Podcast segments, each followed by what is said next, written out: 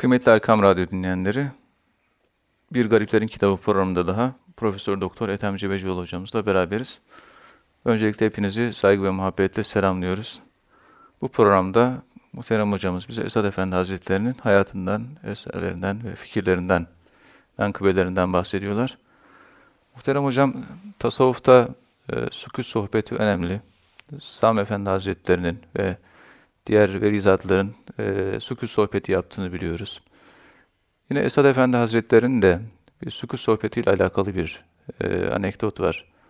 E, bundan dinleyicilerimize bahsedebilir misiniz? Dilerseniz böyle başlayalım. Buyurun efendim. Euzubillahimineşşeytanirracim. Bismillahirrahmanirrahim. Elhamdülillahi Rabbil alemin. Ve salatu ve selamu ala Resulina Muhammedin ve ala alihi ve sahbihi ecmain. Evet. Susmak da bir sohbet türüdür. Susarak konuşmak çok şey anlatır. Evet. Susarak daha ziyade kalpten kalbe. Konuşarak hem beyne hem kalbe hitap eder konuşarak. Ama sükut direkt kalbe hitap eder. Evet. Aradan beyni kaldırıyorsunuz. Yani direkt insanın rasyonalist, akılcı yönünü bir kenara koyuyorsunuz.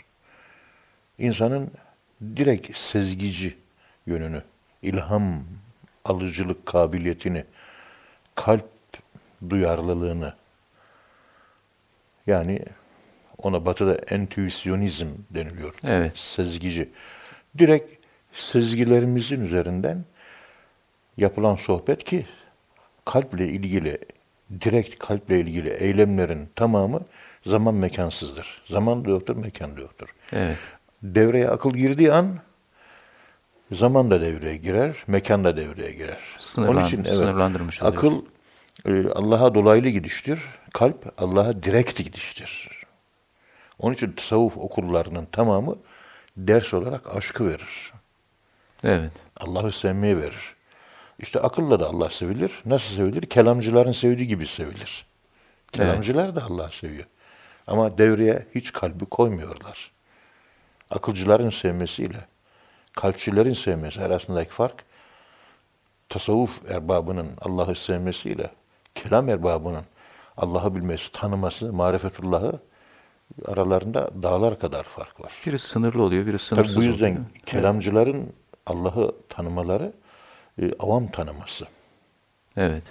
Çünkü zaman mekan sınırlar içerisinde kendi dar alanına çekip dar alanda tanım getirmeye çalışıyor. Tasavvuf erbabı Allah'ın alanına gidiyor. Zamanı mekanı aşıyor. Mevlana Hazretlerinin buyurduğu gibi biz zaman kafesi içerisinde hapisiz diyor. Evet. Hep kurtarmaya çalışıyoruz. Kurtulduğumuz andan itibaren artık Allah'ı anlatmak, bizzat Allah'ın bulunduğu alan, zamansızlık, mekansızlık alanında Allah'ı tanımak Evet. ve onu anlatmak. Ki anlatmak mümkün değildir. Çünkü yine anlatacağınız zaman anlayan insanların beynine hitap ediyorsunuz. Onun için avam uleması Evet. bu tasavvuf alimlerinin anlatmış olduğu Allah'ı anlamakta son derece zorlanırlar. Evet. Çünkü akıl kalıplarına göre değil, e, sıçramış akıl kalıpları sıçramamış, aydınlanmamış, illimine olmamış akıl kalıplarına göre bir açılım ve bir konuşma ve bir tanım, bir description, Evet. tarif, tanım, tasvir, illüstrasyon yapmaz, yapamaz. Ancak mecaz diliyle aşağıya iner. Evet. Leyleğin kanadı, gülün yaprağı, sakinin kadehi, bunu da yanlış anlarlar. Derler ki tane derler. Evet. Vay siz fasıksınız, siz günahkarsınız, konuşunuz hiçbir şeye sığmıyor. İslam'da, şeriatta böyle bir şey yok diye tekfir cihetine giderler. Tasavvuf erbabı bu yüzden kellesi çok gitmiştir. Psikolojik ve fizik olarak. Kühkün eskelleha, bahır kon ezhuni ma. Bizim kellelerimizden tepeler yaptılar. Evet. Ve bizim kanımızı deniz gibi akıttılar. Kanımızdan Kanlarımızdan deniz yaptılar, kellelerimizden tepe yaptılar diyor Allah dostlarından Allah birisi. Allah. Anlamadıkları için. Evet. İşte onun için bu yetişen ilahiyatçı günümüz delikanlılarına e, tasavvufi açılımı gündeme getirip Evet. ve tasavvufi konuda da bilgilendirmek mutlaka gerekiyor. Osmanlı son zamanlarında medreselere tasavvuf dersi koymuş. Evet. Abdülhakim Arvasi Hazretleri falan giriyormuş o derslere. Yani tasavvufi bilginin diğer bilgiden Tabii. farkı halle alakalı olan bir yönünün olması Kalple dolayısıyla. alakalı daha ziyade. Halle Hal. alakalı ama hali, hali doğuran kalp. Kalp, Kalp, evet. merkez. Yani aşk kalptedir. E, ahminel aşk ve halatiha. Evet. Aşk merkez kalp bir onun insana konuşma, görme, davranış olarak yansıması, halleri. Onun da merkezinde yine kalp var. Ve imanın merkezi kalp. Akıl değil. Evet. Yani bu İşte- manada sükut hocam konuşmadan daha mı tesirli oluyor yani bu? Sükut sohbeti daha tesirli oluyor. Ben bir defa hayatımda sükut sohbetiyle bir defa ciddi olarak bir defa karşılaştım. Bir kere. Evet. Rahmetli Hacı Gedikli abi muhterem zat. Allah gani gani rahmet eylesin. Biz Allah rahmet eylesin.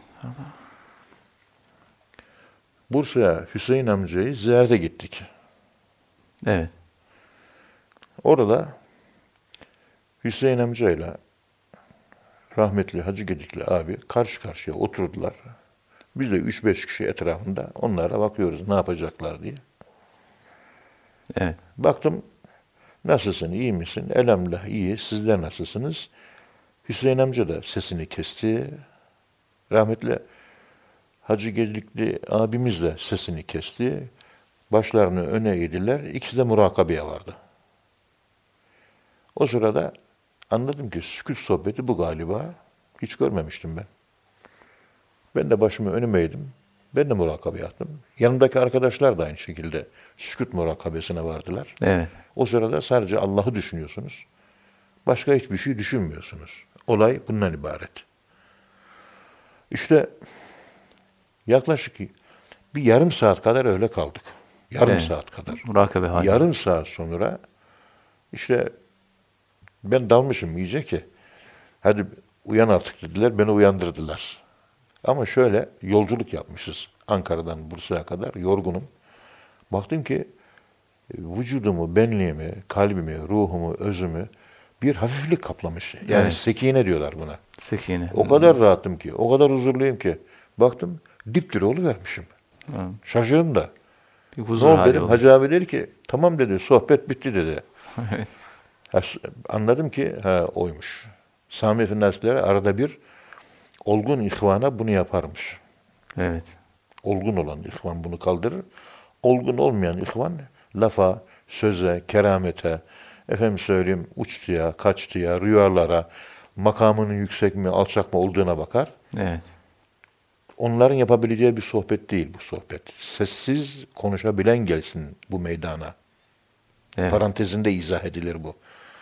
İşte Karlvet dergaha geldiği zaman beni en şaşırtan olaylardan birisi Esad Erbil Hazretlerinin diyor susmak sohbetiyle insanlara enerji vermesi, feyiz vermesi diyor. Demek ki sükut sohbetinde feyiz de var. Onu da Ve anlıyoruz. yani. Esad Hazretleri bunu çok yapıyormuş. Evet. Çünkü dervişler hep konuşuyor. Susan derviş göremiyoruz. Hepsi konuşuyor. Herkes biliyor. Evet. Biz tasavvufun akademisyeniyiz. Biz susmayı tercih ettik artık. Hiçbir şey bilmiyoruz. Gerçekten de bir şey bilmiyorum. Estağfurullah. Yani bir tevazu bilmem ne falan filan da değil. Yani gerçek yani manada hiçbir şey bilmiyorum tasavvuf hakkında ben. Estağfurullah. İşte Esad Elbi Hazretleri'nin susmak suretiyle feyiz vermesini ilginç buluyor. İşte Mevlana ile Şems'in bir hücrede yaklaşık üç veya dört ay hiç konuşmadan sohbet yapmaları oğlu Sultan Veled'in de dikkatini çekmiş. Evet. Ama bu üç ay içerisinde neler konuştuk, neler konuştuk diyor Şemseddin Tebrizi Hazretleri çıkarken. Evet. Odanın bir köşesinde biri Mevlana, öbür köşesinde Şemseddin Tebrizi, Dışarıda pencerenin önünde emre amade bekleyen işte Mevlana Hazretleri'nin oğlu sessiz bekliyor. Ne yapıyorlar acaba? Bakıyor ki biri bir tarafta konuşma yok. Ses yok. İkisi de murakabe halinde. Nedir bu? Nasıl bu? Evet. Anlayamıyorlar. Anlayamıyor yani iptidaname sahibi. Tabi ondan sonra o da meseleyi anlamış. Susmak da bir güçlü bir sohbetmiş. Susmak çok güçlü bir cevapmış. Ve hatta susmak çok güçlü alışveriş. Öyle söyleyelim. Gözü de yumulacak. Bazıları susar, gözle bakarak konuşur. O bile sınırlıdır. Evet. Kulak sıfırlanacak, dil sıfırlanacak, göz sıfırlanacak, kalp tam aktive olsun diye. O zaman sendeki güzel haller bana geçer, bendeki güzel haller sana geçer. Alışveriş böyle daha güzel oluyor. Evet. Esad Efendi Hazretleri'nin de böyle bir sohbeti var değil mi hocam? Evet, tabi. Hazreti Pir Kuddise Sirruhul Aziz dergahtayken Trabzon ve İzmir halifeleri ziyarete gelir. Ayrıca iki ziyaretçi daha gelir. İlki Hazreti Pir Esad Efendimizin İstanbul halifesi Kavak imamı Hulusi Efendi'dir. İkincisi de Esad Efendi Hazretlerinin Osmanlı topraklarında diğer bölgelerde daha doğrusu Hulusi, Kavak İmamı Hulusi Efendi bir, ikinci kişi de bütün Osmanlı Devleti'ndeki Esad Efendi Hazretlerinin halifelerini kontrol eden Evet. görevli baş halifesi. Ha, genel şey, Genel. genel sorumlu. Evet. Ve tabi bunu e, biz şöyle biliyoruz. Kastamonu Cide müftüsü Hüseyin Efendi Hazretleri. Evet. Ve o Hüseyin Efendi Hazretlerinin fotoğrafının altına yanlışlıkla Esad Erbili diye yazıyorlar. Halbuki Esad Erbili Hazretlerinin değil o. Evet. Biraz e, hafif Fatih Sultan Mehmet'i andıran bir burnu vardır şeyin. Cide müftüsünün. Hüseyin Efendi. Esad Erbil Hazretleri'nin burnu biraz küt burun. Biraz daha kısa bir burundur. Evet. O resim Esad Erbil Hazretleri'ne ait olmadığı halde bütün böyle internete bakıyorum, kitaplara bakıyorum, Mustafa Müftüoğlu'nun kitaplarına bakıyorum, diğer Menemen'le ilgili kitaplara bakıyorum. Yanlışlıkla Cide müftüsüne Muhammed Zat Elbili Hazretleri diye altına yazı yazmışlar. Evet. Şu, anda Türkiye'de genel bir Yanlış, resim evet. okuma yanlışı var. Evet. Tabii bunu zamanla biz düzelteceğiz. Yanlış olduğunu söyleyeceğiz. Evet. İşte bu yanında e, Kavak İmamı Hulusi Efendi'nin yanında gelen, burada kitapta yazmamış ama Cide Müftü Hüseyin Efendi. Çünkü biz Hasip Yılancıoğlu'yla 90 yaşında Kastamonu'da görüştüğümüzde bu gelen batıdan, Avrupa'dan gelen karveti manevi etki altına almak ve biraz da manen meşgul olmak üzere ben ihtiyarım mektup yazdı. Cide Müftüsü Hüseyin Efendi de geldi. Baş halife Evet. ve kendisi ölünce Esad Erbil Hazretleri şeyh o olacakmış. Ladik Ahmet Ağa'nın anlattığına göre onun yerine şeyh dört ay diyor törende peygamber dört ay sonra siz öleceksiniz. Sami Efendi yerinize geçecek. Evet. İkinci bir tören yapmayalım diyor. O tacı Sami Efendi'ye giydirdi diyor. Yani derecesi Bu maddi hemen ta- taç mı hocam? Mane- manevi, manevi olarak. Mane- taç. manevi. manevi, olarak. taç, manevi alemde Manevi olarak evet. e, görev verilmesini anlatıyor. Ladik Lahmet Ağa anlatıyor. Onun hatıralarını anlıyor. Evet. Bu zat işte bütün Türkiye'de yaşayan, Avrupa'da yaşayan e, Esad Elbi Hazretleri'nin bütün halifelerini kontrolle görevli baş halife. Evet. Eğer uzun bir ömür olsa Esad Elbi Hazretleri'nden sonra yerine geçecek bu zatmış. Ama ömrü yetmeyeceği için törende böyle bir e, ilginç olay yaşanıyor. Ladik Lahmet Ağa da bunu herhalde yaşamış olayı ki Evet. e, tacı diyor şeye giydirdi. Sami Efendi'ye giydirdi peygamberimiz diyor. Evet. Yani birinci halifesi o. Şey Cide Müftüsü Hüseyin Efendi İstanbul'da medreselerden mezun, alim, ulema, büyük bir zat, uyku uyumayan, e, sürekli ibadet, zikir, tefekkür ve felç hastası da olmuş. Sami Efendi Hazretleri ona bir ay, iki ay bakmış, altından pisliğini almış. Evet. O da hep dua etmiş. Ya Rabbi bana ne verdiysen Sami'ye ver. Bana ne verdiysen Sami Efendi'ye ver. Bana ne verdiysen. Ve Sami Efendi Hazretleri Evet. e, esas kazandığı yer bu zata feçliyken hizmet edip altından pisliğini almakla elde etmiştir. Evet. Şah-ı Nakşibend Hazretleri'nin 7 sene hastaların pisliklerini, hastaların hastalıklarını tedavi için Buhara'da yapmış olduğu işi Sami Efendi Hazretleri uygulamış. Bugünün dervişlerine bunu yaptıramazsınız. Şurada Afrika'ya Afrika'ya. Afrika'ya yollayamıyorsunuz şurada. Evet. Hanımım var, çocuğum var, işim var efendim diyor. Bunu münafıklar da söylüyordu. Şagaletna emvaluna ve ehluna.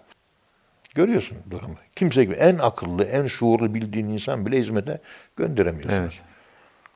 Bu da bir askerlik görevi değil ki. Git yap et. Olmaz ki gönül tasavvuf. Tabii. E, neticede yani bu zatlar nerede, bizler nerede?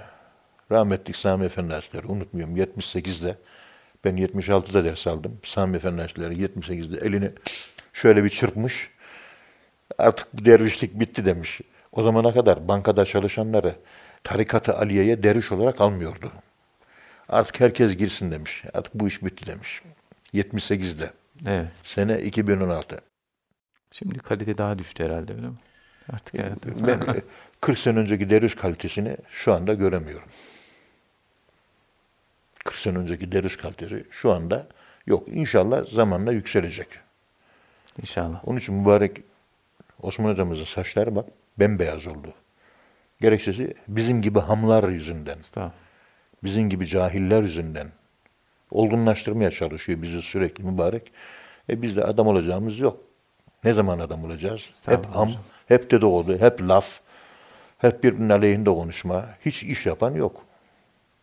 İnşallah düzelecek bunlar. Evet. Efendim, yani demek ki bu iki tane halifesi, Kavak İmamı Hulusi Efendi ile genel halife Cide Müftüsü Hüseyin, Hüseyin Efendi, Efendi. geliyor. Diyor ki Karvet, bunlar diyor geldiler diyor, ağlayarak Esad Erbil Hazretleri'nin elini öptüler. Herkes, daha sonra ziyaretçiler, diğer halifeler de geldi. Doğu ve güney duvarlar boyunca koyun ve keçi postlarının üzerine oturdular. Esad Erbil Hazretleri beni halifelerine tanıttı Evet. ve beni kelami dergahına getiren sebeplerin ne olduğunu onlara açıkladı. Ortalığı çok geçmeden derin bir sessiz kapladı. Herkes derin bir huşu içine daldı, gitti. Sessizlik sohbeti başlamış. Evet. Şeyh Esad Erbili Hazretleri başını önüne eğmişti. Ama ara sıra derin nefesler alıyor, bir şey okuyor, cemaatin üzerine üflüyordu. Böylece yarım saatten fazla bir süre geçti. Bir şeyler olmasını yahut Esad Erbili Hazretlerinin bir şeyler konuşmasını bekledim. Ancak böyle bir şey olmadı. Tek bir kelime bile konuşulmadı. Bu mütevazı sessizliğin oluşturduğu huşu herkesin ruhuna işlemişti ve bu kısmen beni de etkilemişti. Efendim bu orada diyor yaşadığım bu tuhaf olay beni çok derinden etkiledi. Evet. Bu derin sessizlik ve huşu halindeyken önümde yerde dizüstü oturan adam, daha doğrusu derviş, çok geçmeden kısa bir süre içerisinde şiddetle cereyan eden titremelerle cezbeye kapıldı. Elinde olmadan gerçekleşen bu güçlü titremeleri, sarsılmaları sürekli tekrar ediyordu. Hemen ürperiyor böyle sallanıyordu. Evet. Tir tir titriyordu. Çok geçmeden odanın diğer ucunda oturan beyaz sakallı, küçük cüsseli bir derviş aniden vecde gelerek keskin bir şekilde Allah diye çığlık attı. Evet. Bir ağlıyordu, bir gülüyordu. Ara sıra inliyordu. Ara sıra derin sessizliklere bürünüyordu. Ancak hiç kimse başını kaldırıp bunlarla ilgilenmiyordu. Evet. Herkes kendi sessizliğinde boğulmuştu. O sırada herkes kendi derin ruh halini yaşıyordu.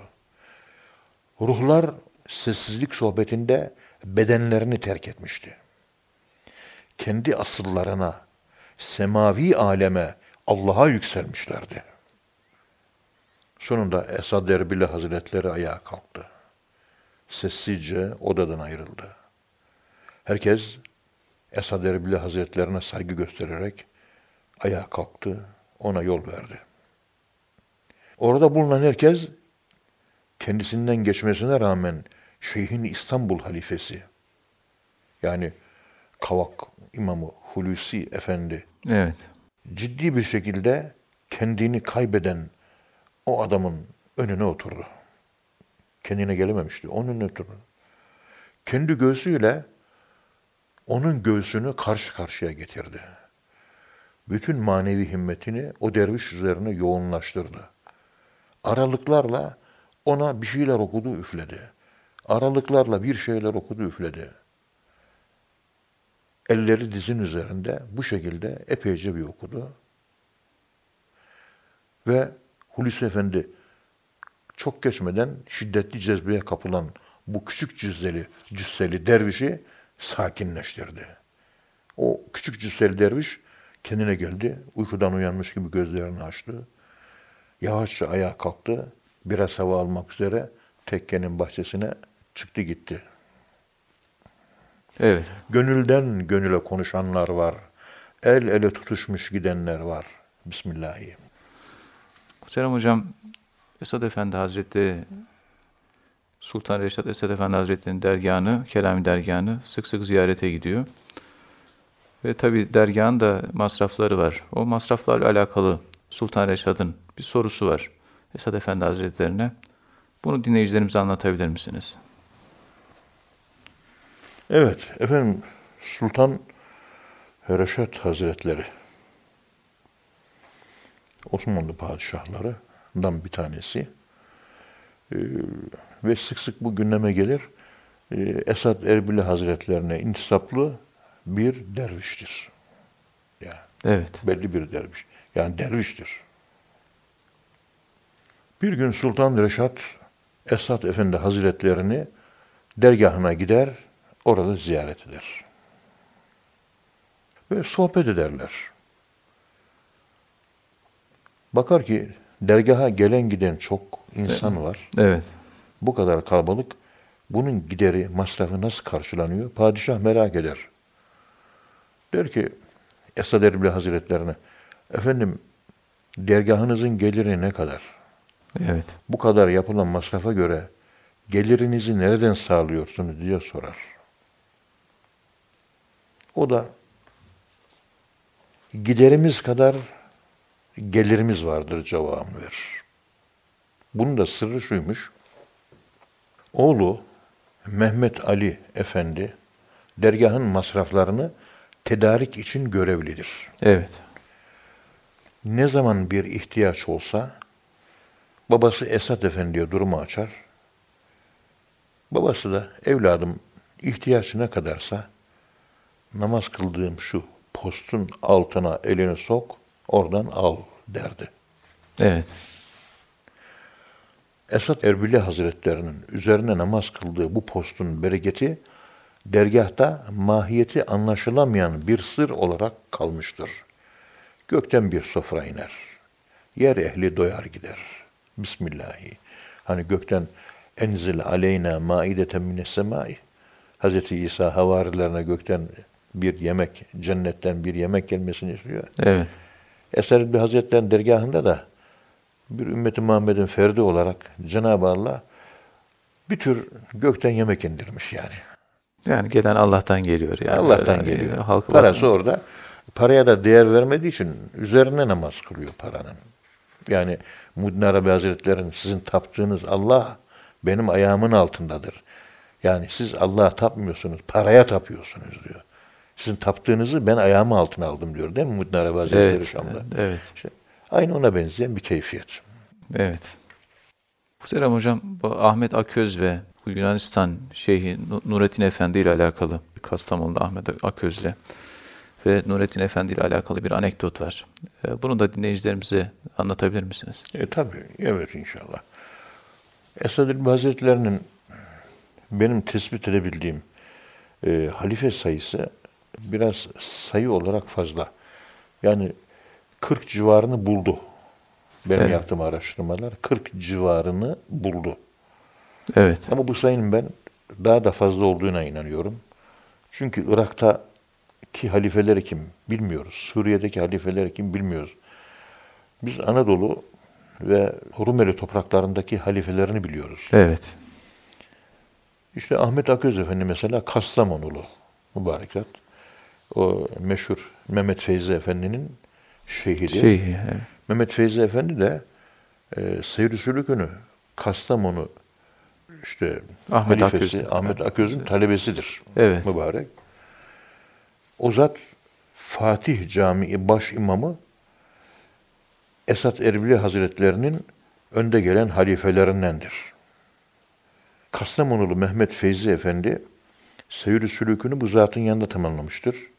Yani Mehmet Feyzi Efendi Kastamonulu Evet. Kelami dergahının yetiştirdiği Nakşibendi bir zatı Aliyül Kadır'dır. Yunanistan Şeyhi Nurettin Efendi de Esad Erbili Hazretlerinin halifelerindendir. Kastamonulu Hasip Efendi maneviyatta yetişmek ve mensup olduğu Kadiri tarikatını Kastamonu'da devam ettirmek üzere İstanbul'a amcası tarafından gönderilmiştir. Evet. 1924'te baba dostları Ahmet Aköz ve Nurettin Efendilerin delaletiyle, vesilesiyle seyr-i sülûku çıkarmak üzere Kelami dergahına Esad-ı Erbili Hazretlerinin yanına gider. Yani Hasip Efendi'ye bu Ahmet Aköz'le Nurettin Efendi vesile olmuş. Vesile oluyor. Evet. Dergahta Kumkapı imamı Hacı Yusuf Efendi'den Arapça, dergahın ikinci imamı Hacı Sadık Efendi'den de Hulasa gibi kitaplar okur. Karlvet dergahta kaldığı süre içerisinde onun özel hizmetini Hasip Yılancıoğlu yapmıştır. Bize yapmış olduğu hizmetlerden e, kısaca bahsetmişti görüştüğümüz yıllarda 2000 senesinden önce. Evet. Muhterem hocam, Kalvet'in Esad Efendi Hazretlerine bir e, sorusu var. Evet. Yani zamansızlık ve mekansızlığa e, ulaşabilenler hakkında bir soru. Evet. Yani zamansızlık ve mekansızlık nedir? Bu Evet. zamansızlığa ve mekansızlığa nasıl ulaşılır? Şeklinde bir soru. Esad Efendi Hazretlerinin e, Kalvet'e bir cevabı var. Bu cevabı dinleyicilerimize anlatabilir misiniz? Evet. Şimdi şöyle söyleyelim. Esad Elbi Hazretleri medreseli Tabii. Bir ulemadır. Yani alimdir. Aynı zamanda maneviyatta da üstaddır. Üstad, evet. Tarikatımızın kurucusu Bahaddin Nakşibend Hazretleri bir Ramazan ayında aynı anda 40 farklı yerde iftar sofrasında hazır bulunmuştu. Davet sahiplerinin tamamı Şah-ı Nakşibend Hazretleri bu akşam bizim iftarımızdaydı diye yani kesin ifadelerle konuşmalar yapmışlardı. Ya bu akşam ben bendeydi. Öbürü diyor hayır bendeydi. 40 yerde hazır bulunmuş. Evet. Bizim bu Kelame dergahının benden önceki şeyhi bir akşam, Ramazan akşamı bir müridiyle birlikte Bayezid Meydanı'na gitmiş. Beyazıt Meydanı'nda eski müritlerinden biriyle karşılaşmış. Bu zat şeyhi ve yanındakileri ertesi akşam iftara davet etmiş. Şeyh olur evladım inşallah yarın akşam sizin iftarınıza gelirim demiş. Evet. Daha sonra yine birisiyle karşılaşmış. O da efendim yarın akşam bize iftara gelebilir misiniz? Olur evladım inşallah gelirim deyince yanındaki derviş şaşırmış. Aynı anda, aynı saatte iki ayrı iftar sofrasına nasıl hazır bulunacak? Ve bir şey de diyememiş tabii şeyhine. Çünkü daha önce şeyhiyle beraber bir takım ilginç olaylar yaşadığı için Evet. Vardır bunda bir hikmet demiş ve sormamış. Teslim olmuş. Evet. Mürit şeyhinin bu davetlerden birini tercih edeceğini düşünerek bu konuda bir şey söylememiş ve daveti kabul ile şeyhine "E, ben de sizin yanınızda inşallah madem istiyorsunuz geleyim demiş. Evladım sen de benimle gel deyince olur efendim ben de sizinle beraber geleyim demiş. Evet. Ertesi akşam Şeyh Mürdi ile birlikte sonradan davet edildikleri değil de ilk davet edildikleri yere gitmişler. Mürit birkaç gün sonra Beyazıt Meydanı'nda kendilerine davet eden o kişiyle tekrar karşılaşmış. İkinci kişiyle karşılaşmış. Halbuki birinci kişinin davetine gittik diyor. Evet, ikinci kişiyle karşılaşıyor. İkinci kişi davet akşamı iftarda şeyhiyle beraber hanesini şereflendirdiği için o müride çok teşekkür etmiş. Allah razı olsun geldiniz, övmüş, şereflendir demiş. Ve iftarda bulunanların kendileriyle sohbetten çok büyük fezi, feyiz aldığını söylemiş. Şeyhin hikmetli sözlerine ve yüzündeki ilahi nura herkesin hayran kaldığını anlatmış. Bu duruma çok şaşıran mürit, efendim sizinle beraber birinci davetçinin evine gittik iftara ama ikinci davet edenin evinde de ikimiz hazır olmuşuz. Bugün karşılaştığımda bana böyle söyledi demiş. Evet. O da ve ma zalike alallahi bi aziz. Allah'a hiçbir şey zor değildir evladım demiş. Biz bunu anlatırken olayların içerisinden, eşyanın içerisinden zamanı çekip aldığınız zaman zamansız eşya, zamansız olay, zamanlı olay ve zamanlı eşya gibi davranmıyor. Öldükten sonra şekil problemi yok bizde. Çünkü Evet. zaman yok. Sümme la yemutu fiha ve la yahya. Ölmek bilmem ne falan yok orada. Ecel yok ahirette. Ecel burada var. Zamanlılık, kafes. Mevlana'nın bahsettiği kafes. Ten kafesi. Ten kafesi. Yok zaman kafesi. Zaman kafesi. Ten kafesi Ha, tabii, maddi tabii, kafes. Maddi kafes. Bu e, bilemediğimiz bir kafes. Yani matematiksel evrenin kuşatması bizi. Öyle söyleyelim. Onun dışında daha başka şeyler var. Stephen Hawkins Zamanın Kısa Tarihi adlı kitabında ki o kitapla Nobel ödülü falan kazanmıştır. Evet. Kara deliklerde eşya kayboluyor gidiyor. Orada zaman çekiliyormuş. Olay ufkunda donup kalıyormuş. Sıfırda yaşamak. Bir de halidine fiha ebeda sıfırda yaşamayı ifade eden bir kavram aslında. Sıfırda yaşamak zamansızlıkta yaşamak demektir. İşte siz zamansız ve mekansız olan Allah'ı her gece Allah, Allah, Allah, Allah diye zikrettiğiniz zaman zamansız ve mekansız bir varlıkla her gece zikir çekerek yüz yüze geliyorsunuz. Zamansızlığı ve mekansızlığı mekanlı ve zamanlı bir varlık olarak relatif, izafi tecrübe ediyorsunuz. Evet. Aşkın bir varlığı, müteal bir varlığı, transandantal bir varlığı siz içselleştirmeye çalışıyorsunuz. İşte buna ölmeden önce ölmek böyle gerçekleşiyor. Zikirlerin çok ciddi çekilmesi lazım. Kafamızda düşündüğümüz Allah yazısı, başımızı yukarı kaldırıyoruz. Allah diye metafizik kalbimize vuruyoruz.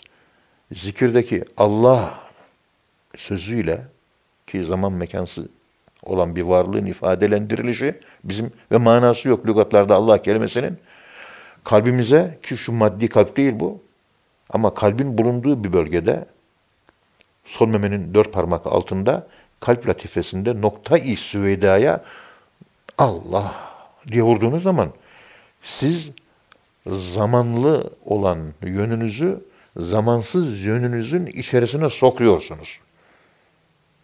Zamansızlığı kısmi, göreceli, noksan olarak tecrübe ediyorsunuz ve zikrin nuru vücuda yayıldığı zaman vücut hücreleri zamansızlaşıyor.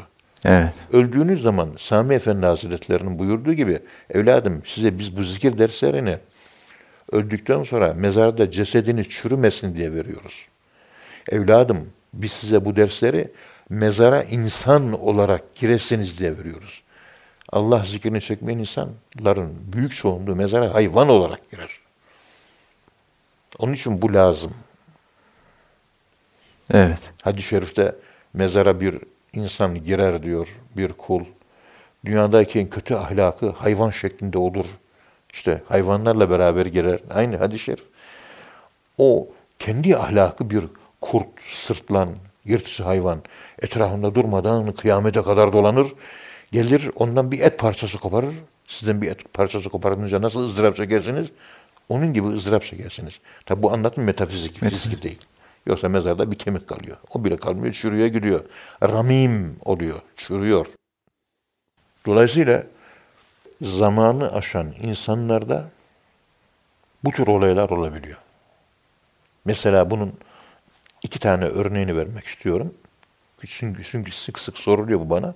Ondan dolayı bunun cevabını vermek istiyorum. Buyurun hocam. Ve ta'rucu ileyhi melaiketü ve ruhu. Melekler ve Cebrail Allah'a yükselir. Fi yevmin bir günde ileyhi Allah'a yükselir. Evet. Bir günde. Ama kâne miktaruhu hamsine elfe senetin. Sizin dünyanızdaki 50 bin yıl saydığınız zaman süreci meleklerin bulunduğu alanda bir gündür. Evet. Sizin 50 bin senede aldığınız mesafeyi 50 bin sene bir insanın ömrü olsa 50 bin sene mesafe alsa melekler ve Cebrail onu bir günde alır diyor. Ayet bu Kur'an-ı Kerim'de. Demek zaman relatif. Evet. Bu Kur'an'dan örneği. Bir de bizim hayatımızdan örnek. Biz ölümden sonra zaman var mı? Yok. Yok. Ölümden sonra zaman yok. Yok. Bitiyor, zaman tükeniyor, ölüm öyle meydana geliyor. İki, bizim uyku uyumamız da ölüm değil mi? Uyuyoruz akşam ne uyuduk? Evet. Ölüm değil mi? Ölümü yaşıyoruz. Ölüm. Tabii.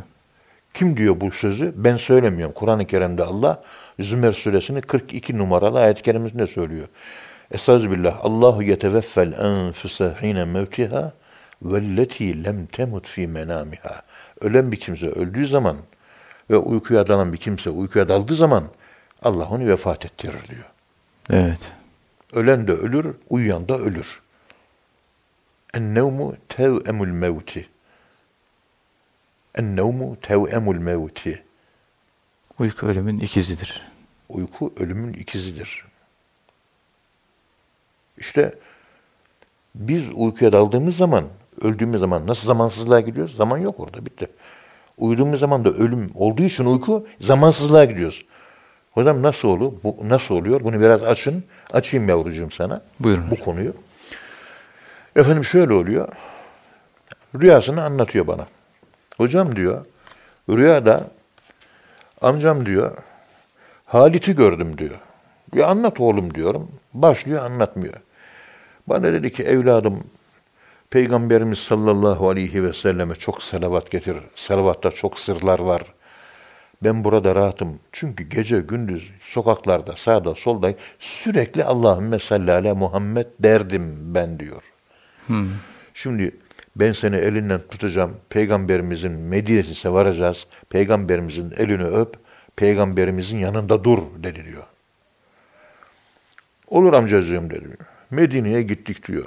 Yayan diyor. Elimizde asa vardı. Peygamberimizin bulunduğu yer. Ashab-ı soffedeymiş diyor. Evet. Elini öptüm, hoş geldin dedi diyor. Bana ikram etti. Bana taltifte bulundu diyor. Meğer Bedir Savaşı olacakmış. Onun görüşmeleri yapılıyormuş diyor. Peygamberimiz sen de katıl. Olur ya Resulallah ben de katılayım. Rüya. Orduya ben de katıldım. Gittik diyor. Orada savaştık. Pek çok kafiri öldürdüm ben diyor. Ondan sonra gerisin geriye döndük diyor. Yemekler yendi. Sofralar kuruldu. Efendim söyleyeyim Kur'an'dan ayetler okundu. Peygamberimiz anlattı, sohbet etti. Ondan sonra Peygamberimizle öğle namazını kıldık. Kıldıktan sonra hadi yavrum artık memleketine git. İnşallah bundan sonra senin için iyi olur. Senin için dua edeceğiz. Ümmeti Muhammed'e biz merhametliyiz. Allah e, zorluklarını kolay getirsin dedi. Elini öptüm. Tekrar gerisin geriye amcamla beraber İstanbul'a döndüm. Orada baktım ki annem dedi ki oğlum baban Sofya'da vefat etti. Hemen Sofya'ya git onun cenazesini oraya katıl. Demek gördüğün rüya bununla alakalıymış. Hemen bir arabaya bindik. Sofya'ya gittik. Cenazeyi kaldırdık. Başında dualar okuduk. Tekrar İstanbul'a gelmişim. Annem İnşallah baban cennette, inşallah baban cennette, inşallah baban cennette dedi. O sırada uyandım. Şimdi rüyada bu olaylar yaşıyoruz değil mi? Evet. Şu olay zaman boyutunu atarsanız mekan boyutunda 6 aylık 7 aylık bir olay anlatılıyor burada. Tabii. Gelen Medine'ye gidiyor. Bedir Savaşı'na katılıyor. Peygamberin sohbetine katılıyor. İstanbul'a yayan geliyor. O yayan Sufya'ya gidiyor. Babasının mezarını, cenazesini kaldırıyor. Geliyor bilmem ne. Altı aylık bir zaman. Ama bugün Profesör Carl Gustav Jung ile ve Sigmund Freud ile başlayan rüya analitiği bilim olarak beyinde elektroansefalogram makinesi ve diğer gelişkin cihazlarla en uzun rüyanın bir buçuk saniye olduğunu söylüyorlar. Altı aylık bir olay yaşamışız Evet. ama aslı astarı bunun bir buçuk saniye. Kur'an'daki bak ayete bakın yaşadığımız uyku, ölümdeki Evet. yaşadığımız olaya bakın. İşte buradan hareket ederseniz bu dünyayı uyku halinde, rüya halinde yaşayan Allah dostları bu rüyayı, dünyayı hayal gibi, rüya gibi, geçici gibi bir gölgelik altında biraz uyur, istirahatler yola koyulur. Biraz uyuyor, bu dünyayı hayal görüyor, rüya görüyor. Yani zamansızlık içerisinde bu zamanlı dünyayı yaşayan bu Allah dostları, onu konuşuyorum. Relativit olarak, göreceli olarak, izafi olarak aynı anda 40 iftar sofrasında Şah-ı Nakşibend Hazretleri gibi zatlar hazır olabilir. Çünkü zamanı aşmıştır. Gerekçesi zikir çekerek Allah, sadece Allah zikri. Onu çekerek zamanı içselleştirmiş, zaman ona değil, o zamana hakim olmuştur. Evet. Mevlana'nın dediği gibi zaman kafesinden kurtulmuştur. Evet hocam. Evet hocam, e, ağzınıza sağlık bu güzel sohbet için. Çok teşekkür ediyoruz. Muhterem dinleyenler, hocamıza teşekkür ediyoruz. Programımızın sonuna geldik. Bir sonraki programda tekrar buluşmak ümidiyle hepinizi Allah'a emanet ediyoruz. Hoşçakalın efendim.